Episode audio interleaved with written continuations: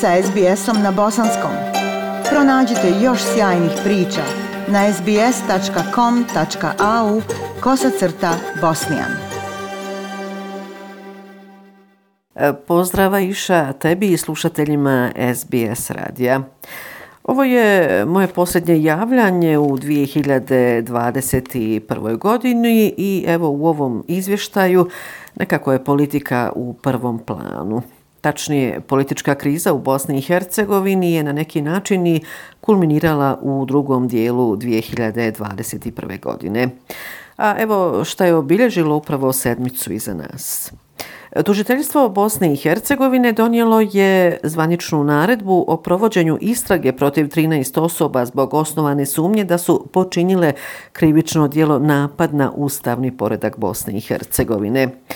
Prvo sumnjičeni za rušenje države Bosne i Hercegovine njenih institucija je Milorad Dodik, lider SNSD-a i član predsjedništva Bosne i Hercegovine. Osim njega, na spisku osumnjičenih su i Željka Cvijanović, predsjednica Republike Srpske, zatim Radomir Višković, premijer Republike Srpske, Nedeljko Čubrilović, predsjednik Narodne skupštine Republike Srpske, ali i e, predsjednici pojedinih klubova poslanika u Narodnoj skupštini Republike Srpske.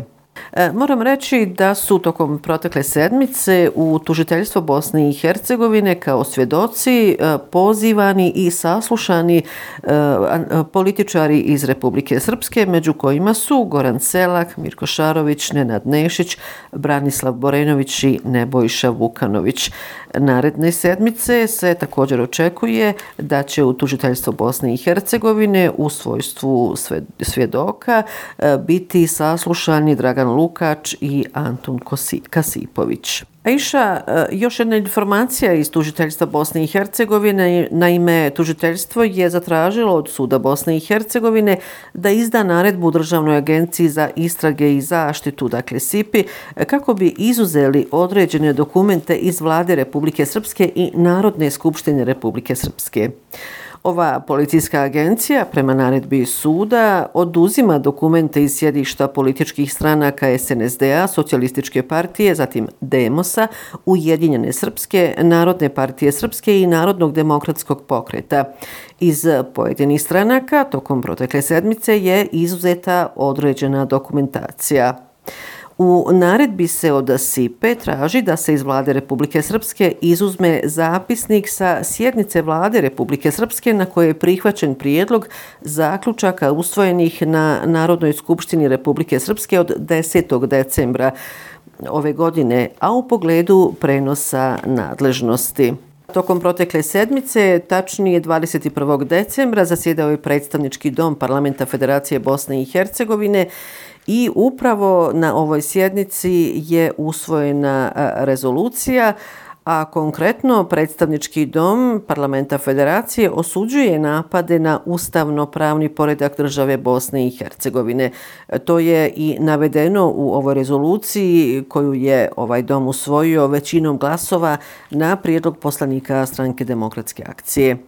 Predlagač je naveo da rezolucija dolazi nakon odluka Narodne skupštine Republike Srpske koje E, kako se navodi, atakuju na ustavno-pravni poredak time što nalažu prenos nekih državnih ovlasti na taj bosansko-hercegovački entitet.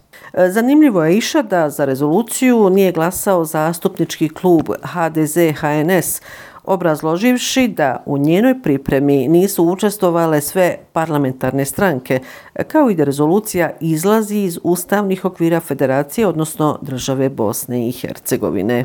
Pa Ajša, ovih dana smo u, mogli čuti u Bosni i Hercegovini izjave nekih bosansko-hercegovačkih političara, ali i medija e, koji su govorili o tome da e, Varhelji je zapravo dogovarao e, sa predstavnicima Republike Srpske upravo ovu sjednicu o kojoj sam malo prije govorila, sjednicu Narodne skupštine Republike Srpske 10. decembra.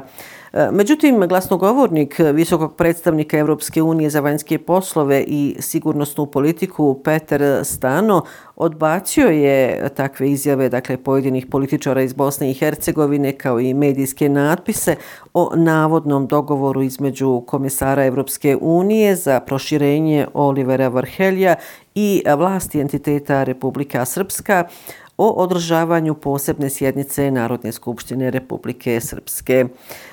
U ovom zvaničnom demantiju, odnosno saopćenju, se između ostalo kaže stav Evropske unije u pogledu sjednice Narodne skupštine Republike Srpske održane 10. decembra 2021. godine jasno je izražen u izjavama povjerenika Varhelija tokom posjete Bosne i Hercegovini.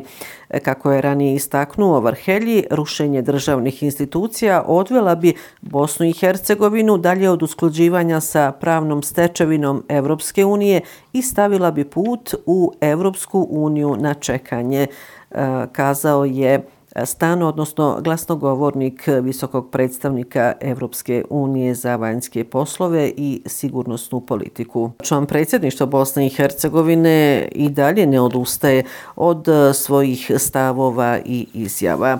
E, naime, e, članovi predsjedništva Bosne i Hercegovine su održali svoju sjednicu 23. decembra u Sarajevu. Na toj sjednici je bio prisutan i Milorad Dodik, međutim na ovoj sjednici sjednici e, Dodik nije glasao ni za jednu tačku dnevnog reda. E, nakon što je održana sjednica, u Sarajevu se novinarima obratio član predsjedništva Šefik Džaferović i evo e, šta je Šefik Džaferović izjavio. Milorad Dodik je glasao protiv tačaka dnevnog reda koje su potpuno nesporne i jasno se vidi da se radi o blokadi institucija Bosne i Hercegovine. Bila je jedna tačka dnevnog reda koja je vezana za oružane snage za zahtjev lokalnih vlasti iz istočne Iliđe da oružane snage inženjerija pomogne tamo sa, sa pontonskim mostom ovaj, tim ljudima i protiv toga je glasao. Novinarima se, ali u istočnom Sarajevu, također obratio Milorad Dodik i poslušajte e, njegovu izjavu. Ja poštujem odluku Narodne skupštine i Narodna skupština ima mogućnost kao krajnja instanca da odluči o svem. Dakle, ja u drugom krugu mogu da se pozove na vitalni interes u roku 72 sata od danas i on ide u Narodnu skupštinu, koja je krajnje mjesto odlučivanja. I evo za kraj još jedna informacija. E, katolici u Bosni i Hercegovini su dočekali e, veliki blagdan Božića. Kardinal Vrh Bosanski Vinko Puljić je uputio e, katolicima u Bosni i Hercegovini, ali i van nje, božićnu poruku u kojoj je poželio mir, razumijevanje i poštovanje. Eto, iša ovom informacijom i završavam, kako već na početku javljanja rekoh, posljednje e, javljanje upravo u ovoj 2021. godini iz glavnog grada Bosne i Hercegovine.